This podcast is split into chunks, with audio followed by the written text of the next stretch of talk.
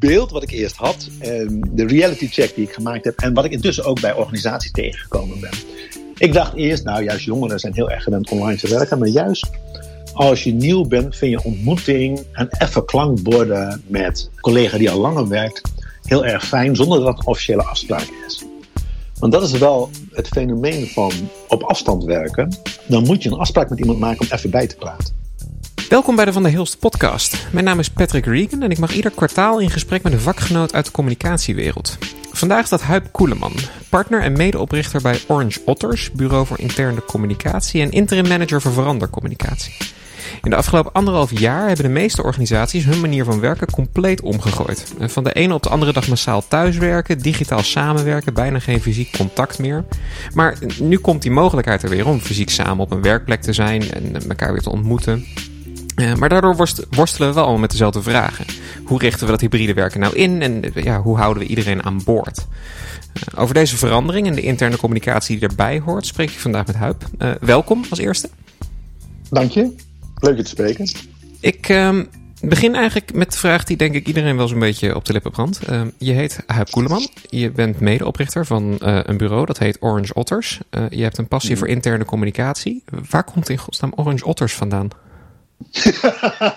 Uh, ja, goede vraag.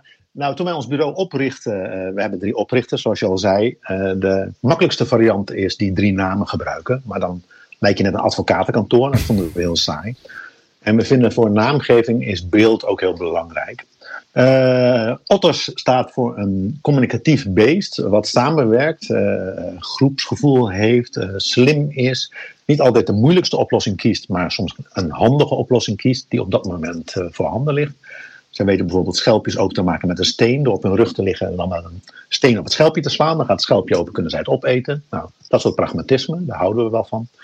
En orange is een van de veranderkleuren, namelijk de veranderkleur die staat voor co-creatie waarbij bottom-up initiatieven uh, veel ruimte krijgen. Nou, los van het feit dat Orange heel goed bij Otters past, uh, is die alliteratie natuurlijk ook heel leuk. En het levert een beeldmerk op waar we heel blij mee zijn, namelijk een otter. In het, in het geheel komt alles heel mooi samen dan inderdaad. Ja, um, ja. Ik kan natuurlijk hele moeilijke vragen stellen over interne communicatie en van alles en nog wat. Maar laten we gewoon even beginnen met um, eigenlijk terugkijken op de afgelopen anderhalf jaar. Um, want het is voor iedereen raar geweest, maar ook voor jouzelf en voor Orange Otters. Kun je, kun je ons ja. meenemen door, dat, door, door, die periode heen? Hoe is het geweest? Um, op twee niveaus. Nou ja, zoals iedereen werken we opeens allemaal van huis uit. En ik heb uh, driftig, want wij werken nu allebei thuis en we hebben één thuiswerkplek. Hebben we uiteindelijk uh, de logeerkamer omgetoverd tot tweede thuiswerkplek. Um, ik vond het ook wel hilarisch en uitdagend. De, we wisten ook dat video belangrijk zou worden. Dus we hebben als een gek, iedereen heeft green screens aangeschaft en is gaan experimenteren. Daar ben ik een beetje in doorgeslagen. Dus ik heb ook heel veel video's opgenomen. Voor een deel ook voor een training voor Van der Hilst. Uh, om interne communicatietrainingen te verzorgen. En daar doe je dan precies dat wat iedereen doet als je voor het eerst iets doet. Uh, die video's, daar schieten de beelden heen en weer, et et cetera. Dus intussen is het allemaal wat rustiger. Maar ik heb me ongelooflijk uitgeleefd en uitgedaagd gevoeld om uh, daarmee te experimenteren. En we hebben zelfs op het punt gestaan na een jaar van moeten we niet ons kantoor gewoon opzeggen. We hebben in Spaces in Amsterdam uh, kantoorruimte, waar we één keer in de week met z'n allen bij elkaar komen en tussendoor ook in willekeurige combinaties. Maar we hadden zoiets van online met dagstarts en uh, online meetings. Dat gaat eigenlijk best goed. Dus hebben we het gepeild en dan was er toch behoefte aan om af en toe gewoon lekker tegen te komen. Of tegelijkertijd op kantoor te zijn en uh, even af te stemmen of te brainstormen waar het mogelijk is. Dus de behoefte aan de ruimte is er wel. Dus we hebben uiteindelijk de ruimte aangehouden en we proberen daar inderdaad uh, één keer in de week uh, met elkaar af te stemmen. Ja, ja. En vanuit zeg maar klantopzicht, want ik hoorde ook. Um van uh, iemand bij Van der Hilst. Uh, want iedereen praat natuurlijk heel veel. En er is gezegd wat jij gezegd zou hebben. Oh. en het schijnt dat je ergens gezegd hebt dat je heel vaak de vraag krijgt van hybride werken. Hoe moet dat nou? Wat moeten we nou doen? Um, vanuit Orange Otters, maar ook misschien als, als, als spreker, als docent. Wat voor vragen krijg je daar eigenlijk over? Ik ben nu ook mezelf heel makkelijk aan maken, want dan weet ik gelijk wat ik moet vragen de rest van deze podcast. de eerste vraag die komt is binding hoe zorgen we dat als we op afstand zitten, dat we binding met elkaar houden? Uh, de onderliggende vraag is: gaat, uh, gaan we nu allemaal weer terug naar kantoor of gaan we echt een tussenvorm krijgen? Hè? Dus dat is ook nog wel een, dat is wel een essentiële vraag. Maar binding is degene waar we het meest op bevraagd worden. Hoe zorgen we dat er toch binding is? En daar, we kennen allemaal de pubquizzes die we allemaal in het begin allemaal spontaan gedaan hebben. Maar uh, misschien zit de binding iets minder op de pubquiz en veel meer op de inhoud. En dan kom je op het tweede niveau. Hoe kan je goed blijven samenwerken als je niet met elkaar in één ruimte zit? Dus samenwerken, kennisuitwisseling, kennis delen is eigenlijk het tweede niveau wat, uh, wat veel terugkomt. Nou is en, samenwerken heel praktisch, maar even terug naar binding. Wat is dat nou eigenlijk? Ja. Want het is zo'n vaag woord. ja, ja, ja nee, dat is zo. Maar binding kan op personen zitten van uh, uh, bij wie voel ik me thuis. Kijk, als je al jaren met elkaar werkt. Hè, ik, ik merk het verschil. We hebben um, vijf otters, nou ga ik dat woord ook gebruiken. Uh, die hebben al een paar jaar met elkaar gewerkt, dus die weten elkaar heel snel te vinden. We hebben een half jaar geleden een stagiaire aangenomen. Die is nu trouwens in dienst. En we hebben per 1 september ook een nieuwe collega aangenomen, Christa. En die moeten veel meer zoeken van hoe hoe krijg ik gevoel bij wat Orange Otters is? Hoe makkelijk kunnen we elkaar vinden? En waarom is het nou leuk om bij deze clubs te werken? Dus daar moet je bewuster in investeren. Dus binding is ook, uh, ja, je kan ook zeggen missie en kernwaarden. Hè? Wat is nou het gemeenschappelijke wat we hebben? En wat, wat delen we met elkaar? Dan heb je ook wel een bruggetje naar wat teams moeten doen. Uh, ik denk dat samenwerken en binding heel veel op teamniveau plaats zal moeten vinden. Maar soms moet je als team terug naar de essentiële vraag: wat is onze toegevoegde waarde? Waarom zijn wij een team en waarom zijn wij met elkaar een team? En uh, daarover praten kan ook helpen om de keuzes te maken van en wat betekent dat dan voor onze interne communicatie? Wat betekent dat dan voor onze overleggen? Wat betekent dat dan voor onze systemen? Dus binding is heel belangrijk. Ik denk uiteindelijk elk mens, uh, wij zijn groepsdieren, dus wij zijn altijd heel erg gevoelig voor met elkaar iets doen. En dat groepsgevoel of het ergens bij willen horen, uh, dat staat meer ter discussie als iedereen opeens individueel thuis werkt. Ik denk dat zonder die binding dan ben je uh, samen aan het werk en kun je heel praktisch je, je vergaderingen doen en je kan je producten opleveren op het moment dat die gevraagd worden. Je houdt je aan deadlines, dat soort dingen. Maar als er binding is, dan heb je, doe je het als groep, dan doe je het als team. Uh, dan ja. zit er misschien meer achter dan alleen maar het werk. Ja, ik denk dat dat wat, wat veel speelt, uh, binding, bijgevoel of engagement, hè, uh, betrokkenheid. Waar ben je betrokken op? En idealiter is dat niet alleen op collega's, maar is het ook op de organisatie en op het type werk. En, dan, en soms moet je daar bewust aan werken. En dan, interne communicatie kan daarbij helpen, denk ik. Ja, want dat, dat, voordat we het hebben over wat interne communicatie erbij kan doen, dat hybride werken. Hoe hmm. zie je dat? Want het is meer dan alleen maar um, uh, wat je al zei. We komen eens in de kantoor samen, de rest van de week werk je thuis. Uh, het gaat veel verder dan dat, denk ik. Hybride werken is iets groters. Ja, het is heel gelaagd. Hè? Ik denk elke organisatie, en ik hoop dat ze die keuze maken, elke organisatie moet zelf nadenken over van wat zien wij als hybride werken? Hoe definiëren wij hybride werken en welke vorm past bij ons? Uh, je hebt allerlei schalen, hè? maar je hebt mensen die zeggen hybride werken is, we werken op kantoor, maar iedereen mag een dag in de week thuis werken. En je hebt de versie die zegt, joh, we hebben helemaal geen gezamenlijke werkplek meer, we hebben geen gezamenlijk kantoor meer. Uh, iedereen werkt vanaf thuis en we organiseren ontmoetingen als het relevant is of als het nodig is. En, en, en elke variant ertussenin. Het is heel grappig dat we bij hybride werken altijd heel erg 50-50 denken. We gaan twee dagen naar kantoor en we werken twee dagen thuis. Maar dat is helemaal niet zo dat dat gemiddelde uh, de werkelijkheid wordt. Uh, dus dat met elkaar bespreken alleen al is denk ik belangrijk. Van hoe zien wij hybride werken? Wat past bij ons als organisatie? Wat past bij ons wat betreft het type werk? En wat, betreft, wat past bij ons qua uh, type persoon? En daarbij krijg je ook dingen als competenties van hybride werken. Als je heel veel thuis werkt, vraagt dat van mensen meer vaardigheden op het gebied van digitale samenwerkingssystemen. Dus dat moet maar net kunnen. En dat hangt ook wel af van, ja, niet om het een of ander, maar hybride werken als verpleegkundige lijkt me best wel knap. Um, qua zorg aan het bed. Maar qua artsen kan het weer wel. Hè? Ik heb nu regelmatig door omstandigheden contact met mijn arts. En heb ik gewoon een telefonisch consult. Nou, een jaar geleden of twee jaar geleden was daar geen sprake van. En nu is dat heel normaal geworden. Dus het is ook even zoeken en spelen en kijken wat er wel en wat er niet kan. En Gewoon om het eens heel praktisch te maken. Je zei het al een klein beetje, maar misschien dat je er iets meer over kan vertellen. Hoe hebben jullie die uh, afweging bij Orange Otters dan gemaakt? Want je zei dat je fysiek bent gaan rondvragen van wat willen mensen nou eigenlijk, maar zit daar meer achter? Of is het echt gewoon een kwestie van peilen wat de organisatie wil en dan dat uitvoeren? Um, nou ja, wij zijn maar met z'n zeven. Hè? Dus je kan heel snel online bij elkaar zitten en dan kan iedereen nog gehoord worden. En wij zijn best handig met uh, uh, Miro-borden en andere post-it-borden online, waarbij iedereen gewoon plakketjes plakt alsof je bij elkaar zit. En daarmee kwamen er gewoon clusters, wat willen we wel, wat willen we niet, wat zijn de voordelen, wat zijn de nadelen, wat verwachten we van elkaar. En dan gaandeweg kwamen we achter dat zeker de, de jongere generatie behoefte had aan ontmoeting. Nou, dan moet je dat faciliteren als werkgever, denk ik. De jongere generatie, die zou ik ook niet verwachten trouwens. Nee, nee, nee, nee, nee. Nou, daar zit je precies op mijn beeld wat ik eerst had. En de reality check die ik gemaakt heb. En wat ik intussen ook bij organisaties tegengekomen ben. Ik dacht eerst, nou juist jongeren zijn heel erg gewend online te werken. Maar juist als je nieuw bent, vind je ontmoeting en even klankborden met een uh, collega die al langer werkt. Heel erg fijn, zonder dat het een officiële afspraak is. Want dat is wel het fenomeen van uh, op afstand werken. Dan moet je een afspraak met iemand maken om even bij te praten.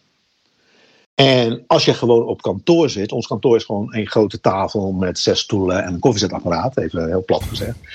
Dan ben je gewoon aan het werk. Sommige mensen hebben een koptelefoon op en zijn gewoon geconcentreerd bezig. Maar tussendoor zeg je van, hé, hey, uh, ik ben op zoek naar de laatste presentatie Hutsefruts. Nou, en dan kan iemand dat meteen even aangeven. Of je kan even samen doorheen lopen op beeldscherm of zo. En dat gaat veel spontaner en ongedwongener. En mijn indruk is dat, dat die behoefte veel groter was dan ik eerst gedacht had. En niet van we willen fulltime op kantoor zitten, maar wel van nou, we willen toch wel een plek waar we één à twee keer in de week elkaar tegen kunnen komen. Ja, inderdaad, dat, uh, dat informele ook het uh, leren. Um, ik bedoel, ik ben een heel rare uh, metafoor misschien, maar ik ben best wel goed in klussen thuis. De enige reden dat ik daar goed in ben, is dat mijn vader daar heel goed in is. En ik dus met hem meekeek en dingen leer. Ik denk dat op een bepaalde manier op kantoor ja, ja, zitten, heb je ook gewoon mensen om je heen. En daar krijg je invloeden van, je leert ervan, je ziet dingen. Ja, ik had, ik had pas, uh, heel klassiek noemen ze de meester-gezelrelatie, maar... Uh, nou, ik werk voor een Vlaamse organisatie. Daar hadden ze het over de Peter of meter situatie. Nou, dat is natuurlijk een prachtige katholieke metafoor. Maar je wil gewoon af en toe met iemand die wat meer ervaring heeft kunnen klankborden. En dat gaat makkelijker als je gewoon bij elkaar aan dezelfde tafel zit. Of bij de koffieapparaat of iets dergelijks. En, en het is inhoudsgedreven. Hè? Het gaat niet over uh, uh, uh, dat je dezelfde hobby hebt. Dat is eigenlijk helemaal niet relevant. Het gaat over werk. Maar het makkelijk maken van de ontmoeting, dat gaat op kantoor sneller dan online. Ja, precies inderdaad. Want online dan zou je, is het wat je zegt, je moet een afspraak inplannen, je moet het vragen. En ik denk dat een afspraak inplannen is ook al een veel grotere stap om iemand om hulp te vragen. Ja. Want je vraagt iemand echt om tijd in plaats van ja. een korte vraag stellen. Dus dat klopt helemaal. Maar wat ik me dan wel afvraag, um, heb je, want daar zal je dan ook vast mee gewerkt hebben de afgelopen jaren, um, voor grote organisaties hoe beginnen die zo'n vraag aan te vliegen? Misschien zelfs organisaties waar de helft van het personeel wel uh, makkelijk hybride kan werken en de andere helft moet op een, weet ik veel, een bouwplaats aanwezig zijn of zo. Hoe, ja, hoe, hoe ja. vlieg je dat vraagstuk aan? Nou, ik, ik, denk dat het een hele goede is. Op twee niveaus. Hè. Ik geloof een teamniveau. Dus ik denk dat je ook met teams bij elkaar moet zetten van... Goh, nou ik zei, wat is nou eigenlijk de toegevoegde waarde van ons team? Echt teambijeenkomsten organiseren of teamsessies. En dat, eentje is te kort. Hè? Dus misschien moet je dat wel begeleid doen. Want soms hebben teams vinden het lastig om dit bespreekbaar te maken. Om echt te kijken van, ah, hoe werkt het voor ons? Uh, kunnen wij los van elkaar werken? En als we elkaar tegenkomen, hoe vaak willen we elkaar tegenkomen? En als we online zijn, welke discipline hebben we dan met elkaar? Met vergaderen en met beeldscherm delen en muten en zo. Dat is heel huishoudelijk, maar wel belangrijk om lekker te werken. En hoe vaak gaan we evalueren met elkaar? Dat met elkaar afstemmen kan heel goed op teamniveau. Maar ik vind het wel belangrijk dat een organisatie dan op organisatieniveau met elkaar gesproken heeft van wat vinden we handig, wat vinden we acceptabel en hebben wij eventuele grenzen daarin. Ik kan me heel goed voorstellen dat een organisatie waar een deel van de organisatie noodgedwongen altijd naar de werkplek moet, dat het niet goed zal vallen als dan de kantoormensen opeens allemaal vanuit huis kunnen werken. Uh, dat zou je dus eerst goed bespreekbaar moeten maken voordat je al die kantoormensen ook na dat corona voorbij is, opeens heel veel thuis laat werken. Want dat zou kinderzin op kunnen leveren. Dus dat, die gevoeligheid uh, peilen En aan de hand daarvan kijken, het kan al wel of het kan niet. De tijd is er wel niet rijp voor, dat is één ding. En het tweede wat ik denk dat je als organisatie mee moet nemen, is uh, welke competenties hebben onze mensen? Hoe digitaal vaardig, hoe digitaal, digitaal savvy zijn ze al? Dat ze ook met, prachtig woord, collaboratietools online echt goed documenten kunnen delen, informatie uit kunnen wisselen en kennis beschikbaar kunnen maken. Hoe makkelijk kunnen zij online vergaderen dat het niet eenrichtingsverkeer is waar een teamleider wat vertelt, maar waar je ook online gaat brainstormen met wat ik zei, Miro-borden of Mentimeters of weet ik veel wat voor whiteboard systemen er ook zijn. Want alleen dan heb je ook echt dialoog, ondanks dat je op verschillende locaties zit. Dus dat in kaart brengen met elkaar als organisatie is wel een belangrijke. Uh, ik zie nu soms wat CEO's, of vooral CFO's met dollartekens in hun ogen. Die denken, oh, thuiswerken.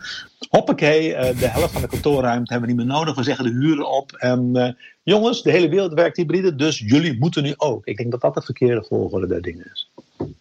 En daarnaast is het ook nog faciliteren. Hè? Volgens mij hadden ze net een TNO-onderzoek. dat we, hebben nu anderhalf jaar thuis gewerkt. En 45% van de thuiswerkers vindt dat ze niet de goede, goede faciliteiten hebben om thuis te werken. Ja, daar moeten we ook zorgen dat die technische faciliteiten er zijn. Als ik dan hoor, we werken thuis, maar mensen hebben geen laptop. Denk ik van, hoe dan? Inbellen naar kantoor en uh, uh, dicteren. Ja, uh, ja. En, en ook de, qua vergaderfaciliteit op kantoor. Hè. Ik was pas bij een meeting en zeiden ze, was iemand alles met zijn smartphone aan het opnemen, wat ik heel schattig vond. Ik zeg, waarom doe je dat? Ja, er zijn twee mensen thuis. Ik dacht, is dit nu de methode waarin zij mee kunnen doen? Ja, daar zijn natuurlijk ook betere systemen voor. Dus het is best een, eigenlijk in eerste instantie een kostenpost voor een organisatie om te zorgen dat mensen thuis goede werkplekken hebben. En dat de vergaderplekken op kantoor zo zijn dat je echt goed hybride kan vergaderen. Met een beeldscherm scherm en met zo'n IO, of hoe heet zo'n ding, zo'n microfoon die echt de geluidssignalen goed oppakt. Zodat je iedereen kan zien en horen. En als je die systemen dan hebt, inderdaad ook de mensen opleiden om ze te gebruiken. Want op kantoor ja, hebben ja. wij zo'n scherm en we hebben zo'n ding. En de eerste keer dat ik in een vergaderruimte zat en er zaten twee mensen thuis, hebben we toch maar gewoon de laptop neergezet. Omdat niemand wist hoe, hoe aan te sluiten op dat ding. ja, ja, ja, ja. ja. Nee, dus dus ik, ik heb ergens ook neergezet knoppencursus. Ja, het klinkt heel plat, maar je moet echt een knoppencursus geven. En dat is heel irritant, maar het heeft geen zin, want anders werkt het niet. Nee, precies. Dus wat je eigenlijk zegt, als ik het goed samenvat, is um, uh, het bedrijf moet kijken van wat is nou eigenlijk de, de, wens en wat kunnen we verwachten van mensen. Inderdaad ook afwegend van wat vinden ze er op uh, een werkterrein van dat dat kantoorpersoneel weer allemaal thuis mag werken. Uh, hoe ga je daarmee om? Daarna moet je ook nog kijken van wat kunnen je mensen eigenlijk en dan daar naartoe faciliteren zodat je de juiste, de juiste balans vindt. En daarin is het denk ik heel belangrijk dat je niemand achterlaat. Ja, en dan moet je dus echt goed je, je mensen kennen. En het, heeft ook een, het, gaat over jouw filosofie van werken. Hè? Het, is bijna een cultuurverandering. Hè? We denken vaak in techniek, maar je moet praten over zowel techniek als over ruimtes, als over team, als over uh, vormen van leiderschap. Want dat betekent ook dat je niet meer, uh, zeg maar, de, de, de teamleiders die gewend waren over de schouder mee te kijken, ja, die gaan het heel moeilijk krijgen. Dus het klinkt heel plat, hè, en HR-mensen liggen in een deuk als ik het zeg, maar dat je niet naar echt naar outputsturing moet. Dat is wel heel belangrijk, want anders gaat uh, hybride werken totaal niet werken. Ja. Maar nu zit er inderdaad HR, uh, eh, IT, van alles en nog wat. Um, ja. Interne communicatie is een logische dat die hierin hoort, maar wel heel moeilijk in hoe die nou precies in dit proces hoort. Welke rol spelen wij daar dan in? Um, wij spelen een rol in dat we kunnen kijken. Eigenlijk is het terug naar de basis. Hè, van waar kan je met interne communicatie aan bijdragen? Eén, uh, dat werkinformatie beschikbaar is. Daar heb je IT voor een deel van nodig, maar daarover nadenken is één. Twee, dat je kan samenwerken op teamniveau, maar dat je ook kan samenwerken tussen teams. Op teamniveau betekent het soms uh, de teamleiders faciliteren. Dat kan technisch zijn, maar dat kan ook hun vaardigheden zijn. Tussen teams, daar moeten wij over nadenken. Welke teamoverstijgende vormen gaan we verzinnen met elkaar, dat, dat, eh, dat er toch uitwisseling plaatsvindt. Het kan, kan ook zijn door, eh, wij hebben bijvoorbeeld de komende donderdag en vrijdag uh, vakontwikkeldagen, dat we gewoon met z'n allen twee dagen in een locatie zitten om te brainstormen over nieuwe producten. Dat is weer ontmoeting, dat is in feite een soort interne conferentie die je kan organiseren. En voor de rest mag iedereen thuiswerken, maar die twee dagen zitten we bij elkaar. Dus dat, dat, dat is eentje die je meeneemt. De derde niveau is, ja, hoe gaan we om met, ik noem het richten, hè, dus uh, beleidsinformatie. Daar zie je dat interne communicatie vaak in de lead is. Dus meer met nieuwsbrieven werken, meer video's opnemen met uh, leidinggevenden, meer peilen hoe de stemming is in de organisatie met uh, medewerkers motivatieonderzoekjes en dergelijke. En via kleine panels discussies voeren, luistersessies organiseren. En de derde is ja, toch engagement. Van hoe zorgen wij dat wij uh, ontmoeting hebben, digitaal of persoonlijk, waarin wij onze binding met de organisatie versterken. En op al de vier niveaus kan je met interne communicatie iets toevoegen. En ja, het is handig om daarbij IT, uh, de leiding en HR te betrekken om te kijken dat het een beetje in elkaars verlengde zit. Maar dan zit je dus eigenlijk op het punt dat die interne communicatie is bijna, ik wil niet zeggen leidend, maar wel richtinggevend in dit hele proces? Mm, richtinggevend zou moeten zijn is de visie op mensen en de visie op de organisatie. Mm -hmm. Dus je, je, je, hebt, je hebt elkaar nodig. En ik, ik denk dat het een te grote broek is om te zeggen dat interne communicatie hier in de lead is. Maar wij kunnen wel de katalysator zijn voor de discussie hierover. Ja, ja. En, ik, en, en ik ben soms verbaasd, als ik, ik heb nou een paar organisaties weer van binnen gezien. Dat ik denk van jongens, jongens, jullie hebben wel naar de techniek gekeken, maar totaal niet naar van en hoe gaan we mensen aan boord krijgen van dit verhaal. Want overal MS Teams invoeren, dat is één ding, maar dat wil helemaal niet zeggen dat iedereen snapt hoe dat werkt. En je moet met elkaar spelregels afspreken of leidende principes afspreken. Hè? En hoe doe je dat? Nou, en daar kan interne communicatie heel erg in helpen. Het is meer procesdenken. Ja, want we hebben eigenlijk verandercommunicatie. Dit is een verandering die moet gecommuniceerd worden. Maar ik denk wel op een andere manier, omdat iedereen weet dat deze verandering eraan zit te komen. Wat dat betreft is het heel anders dan de gemiddelde verandering waar een bedrijf doorheen zou moeten gaan. Um, misschien dat we daardoor ook wel voor lief nemen dat mensen toch wel onboord zijn, dat we daardoor vergeten om ze mee te nemen. Um, ja, ja. Nou ja, het, het, gaat heel spannend worden. Ik denk nu, als er heel veel mensen weer naar kantoor gaan, het feit dat er overal files staan, eh, heb ik eigenlijk een beetje een zorg dat we dachten dat we momentum hadden omdat we allemaal anderhalf jaar thuis gezeten hebben.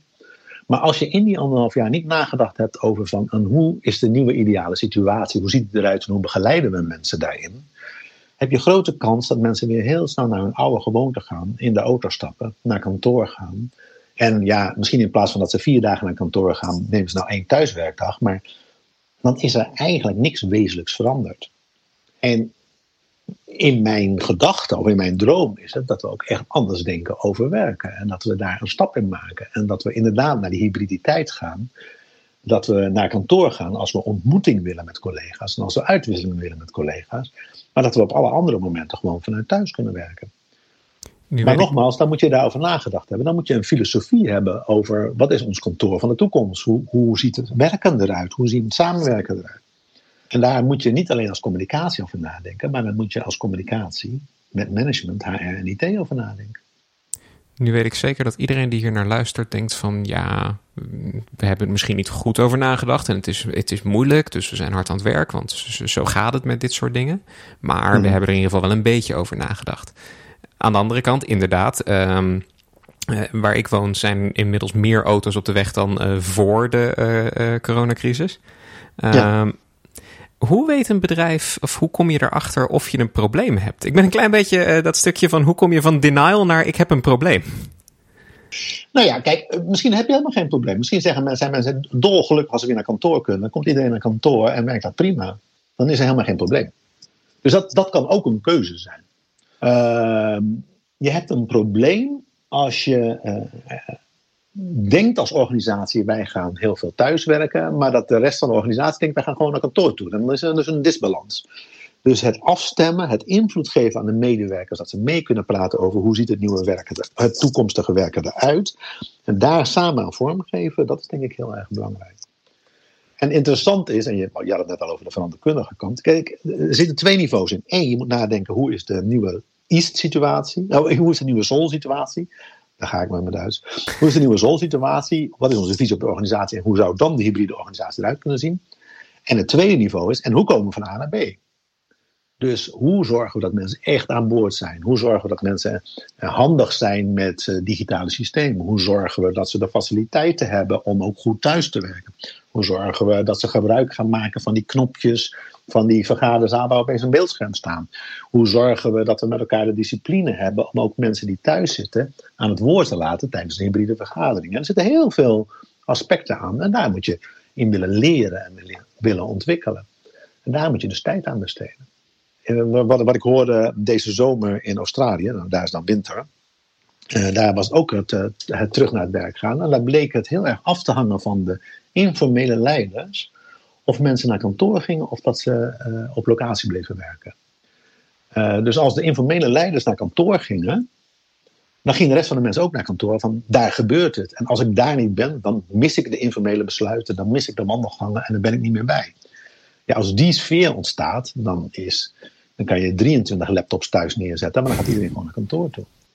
Maar je had dus ook dat de informele leiders zeiden: prima dit, nou, we blijven gewoon vanuit locatie werken. En dan blijft de rest van het zootje ook gewoon op locatie werken.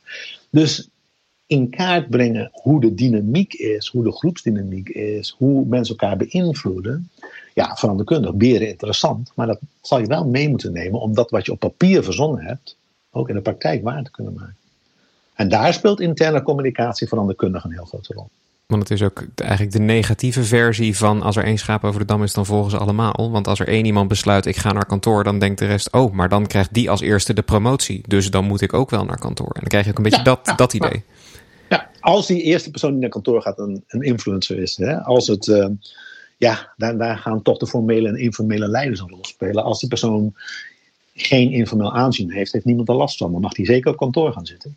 Eh, heel flauw gezegd, je hebt ook organisaties waar men het als loser beschouwt als ze naar kantoor gaan. Hè? Dus het in kaart brengen van die informele kaart en de, en, en de lijntjes daartussen is, is interessant om te kijken hoe uh, het kantoorwerk daadwerkelijk gaat werken.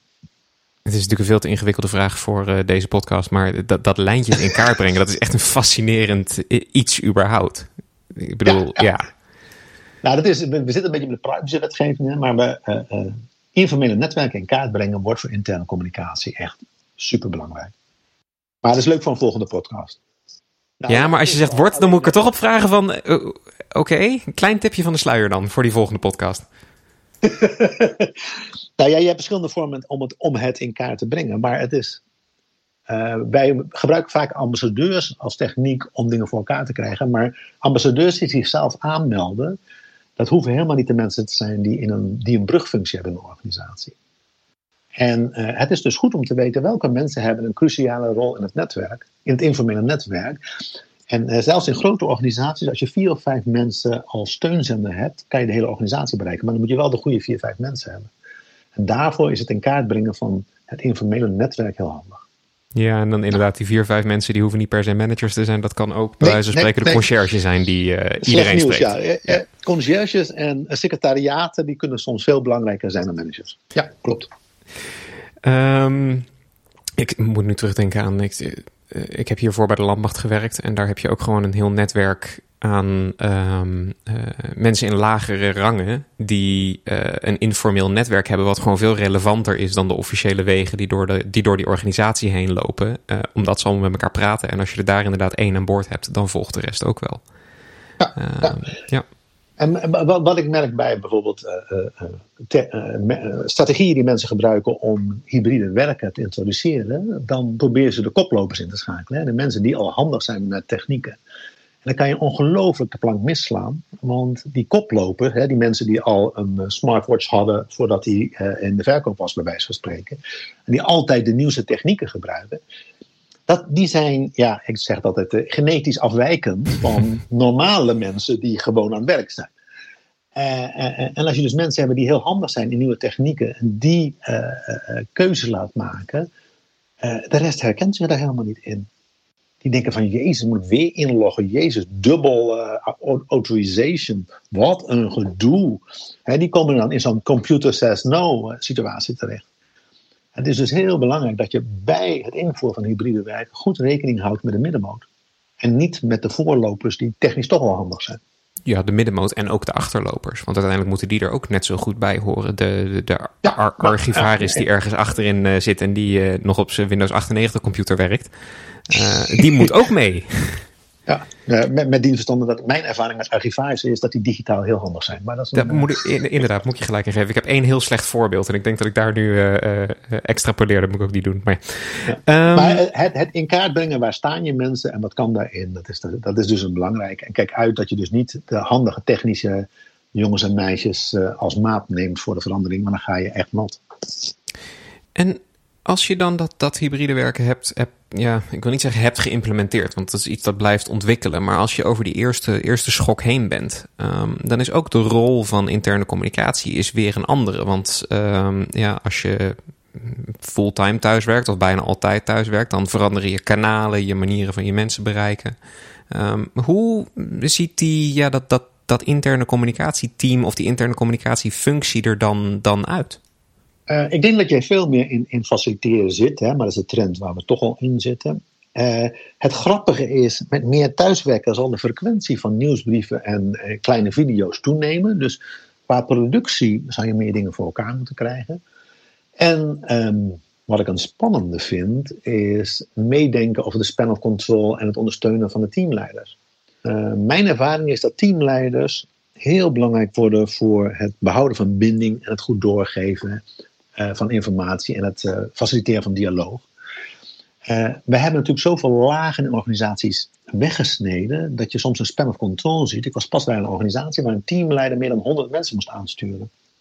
Nou, gefeliciteerd. Ik bedoel, ja, je kan wel 100 mensen in jouw teamscherm zien of in jouw Zoom-vergadering. Maar als je dat contact noemt, dan is dat woord wel heel erg weinig waard geworden. Uh, mijn vriendje thuis, die geeft leiding aan meer dan 70 mensen. En die heeft wat hij noemt 10 minuten gesprekken. Maar ja, er is weer een week om en heeft net iedereen weer eens een keer gesproken. Dat kan gewoon niet meer. Dus volgens mij gaan we weer stiekem een tussenlaag krijgen. Om uh, de behapbaarheid en het directe contact en het echt in de haarvaten van de organisatie zitten te faciliteren. Dus ik denk die hele grote teams gaan niet meer werken. Wij gaan weer coördinatiefuncties of, of een tussenlaag krijgen om dat contact te faciliteren. En dat is bij hybride werken een stuk belangrijker. En we vragen ook van teamleiders of mensen die een vergadering voorzitten die hybride is, veel meer vergadertechniek dan van iemand uh, als je gewoon met een groep in een zaaltje zit. Want je moet bewuster rekening houden met de mensen die thuis zitten. Je moet bewuster zijn dat de mensen die bij elkaar in het zaaltje zitten een voorsprong hebben op de mensen die thuis zitten. Dus dat, daar, daar zal je in moeten ondersteunen. En ik denk dat communicatie, al dan niet samen met HR, dat soort zaken meer zou moeten faciliteren en ondersteunen. Nu denk ik wel direct. Ik uh, heb zelf een aantal opleidingen bij Van der Hilst gevolgd. Ik lees best veel. Maar dit zijn wel allemaal vraagstukken waar ik nou niet echt over heb nagedacht. En ik denk dat heel veel met mij. Ik zou me niet op mijn gemak voelen om dat uh, uh, een, een directeur of een CEO over te adviseren of zo. Moeten wij onszelf dan helemaal opnieuw gaan, gaan opleiden? Of? Nou, ik denk dat wij die laten we, laat ik het zo zeggen, laten we niet in een valkuil terechtkomen dat we denken dat we door uh, alles te weten van MS Teams of online vergaderen, dat we dan de organisatie kunnen faciliteren in hybride werken. Ik vind juist het meedenken over wat vragen van een teamleider, welke nieuwe vorm van leiderschap is er nodig, uh, dat is belangrijk om ook die persoonlijke vorm van communicatie levend te houden. En dat hoef je niet allemaal zelf te kunnen, maar ga in overleg met HR of vraag de deskundigheid bij, dat je in ieder geval op dat niveau erover nadenkt.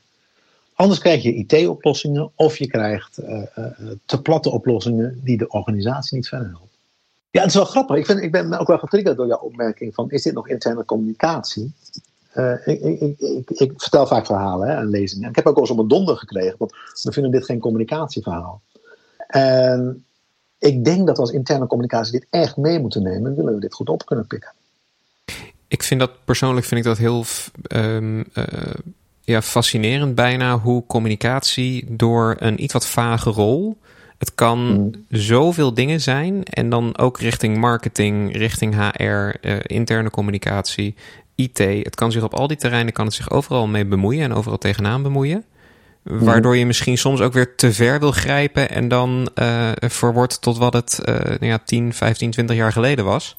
Uh, de afdeling die de blaadjes maakt en uh, dat stukje verzorgt. Ja. Uh, dat is, vind, ja, dat is, een heel ingewikkeld spel eigenlijk. ik ben nu weer bij een paar organisaties uh, bezig met weer terug naar de roots. Hè, uh, samen een visie op interne communicatie te ontwikkelen. En het laatste hoofdstuk is dan toch altijd: en hoe is de rolverdeling? En daar weer expliciet maken, wat verwachten we dan van de communicatiemensen in, deze, in het waarmaken van deze visie op interne communicatie? Daar kan je hem expliciet maken. Ehm, soms hebben wij, uh, ik vind het nog steeds heel zinnig dat je mensen hebt die goede nieuwsbrieven kunnen schrijven, die goede video's op kunnen nemen, die echt middelen kunnen maken die bevlogen zijn, die aanspreken, die mensen enthousiast maken. Uh, maar als je zegt we willen strategisch adviseren, hè, wat toch, toch uh, uiteindelijk vaak het wensbeeld is van de communicatieadviseurs, dan moet je die HR, die team, die groepsdynamiek kan meenemen, want anders mis je de. Eigenlijk moet een communicatieafdeling gewoon veel groter zijn dan dat hij nu is. Nou ja, dat is dan. Ik vrees, dat is mijn andere vrees. Ik vrees. Uh, vooralsnog gaat het goed met de wereld, hè, uh, los van de gasprijzen. Ik denk dat we over een jaar weer heel veel bezuinigingen gaan krijgen. En dan gaat er weer bezuinigd worden op met name de interne communicatiefunctie. Dus dan moet ik nog zien wat er dan van overblijft. Maar dat is even van een andere kant. Hè. Ja, ik vind dat er meer mensen over mee moeten denken. Maar ik vind het ook een verantwoordelijkheid van leidinggeven dat zij nadenken over een communicatierol. Ik ben, ben nu weer veel bezig met leiderschapscommunicatie. En dat doe ik met leiders en dat doe ik niet met communicatiemensen. Wat op zich ook heel logisch is dat niet iedereen in een organisatie zich. Of althans, uh, iedereen in een organisatie communiceert, maar ook op andere manieren. De, de, de trigger vertriggert mensen heel vaak om te denken van ja, iedereen zit op social media en iedereen vertelt tegen op familiefeestjes wat het bedrijf doet en daarom communiceert iedereen. Maar het is ook inderdaad die communicatie naar je mensen toe en naar uh, klanten toe, dat soort dingen. Mm -mm, uh, nou ja, daar moet je dan wel expliciet bij stilstaan. En door met elkaar weer een visie communicatie te formuleren, kan je dat weer even scherp stellen. Met een rolverdeling erbij. Hè? En, en als je dan zegt van, joh, uh, want ik heb ook wel meegemaakt, hij zegt van, jullie zit op mijn stoel, prima. Als jullie dat goed doen, en we hebben af en toe afstemming erover, even goede vrienden. En als HR zegt, wij zijn eigenlijk een klassieke afdeling personeelszaken, dus wij leren personeelsdossiers in die hele cultuuraspecten en leiderschapsaspecten, daar zijn wij niet van. Nou ja, dan ga ik stiekem als interne communicatiefunctie me daar iets meer tegenaan bemoeien. Zo claim je langzaam wat grond. Ben je voor veel bedrijven nu bezig met zeg maar, de, de, de visie echt opnieuw formuleren? Of? Ja, ja, nou ja, dat vind ik wel grappig. Ja. Zijn we, mee, we zijn be veel bezig met. Het begint met kanaalstrategie. We willen een nieuwe kanaalstrategie die past bij hybride werken. Hè, dat is dan de vraag. En dan zeggen we, ja, maar waar baseren we de kanaalstrategie op? Dan willen we wel weten wat jullie visie op interne communicatie is. Want anders ga ik een systeem aanleggen wat totaal niet past bij jullie organisatie. Dus dan beginnen we met het vraagstuk: wat is jullie visie op interne communicatie? Wat hoort erbij? Wat wil je ermee bereiken? Dan kan je die kanaalstrategie veel meer op maat maken. Onwijs bedankt voor het luisteren naar de Van der Hilst podcast. Wil je op de hoogte blijven van alle interviews die nog komen? Abonneer je dan in je favoriete podcastspeler. De Van der Hilst podcast is van voor tot achter gemaakt door mij, Patrick Regan, in opdracht van Van der Hilst. Je vindt Van der Hilst op Twitter, LinkedIn en Facebook en natuurlijk op het web via hilst.nl. Onwijs bedankt voor het luisteren en tot de volgende.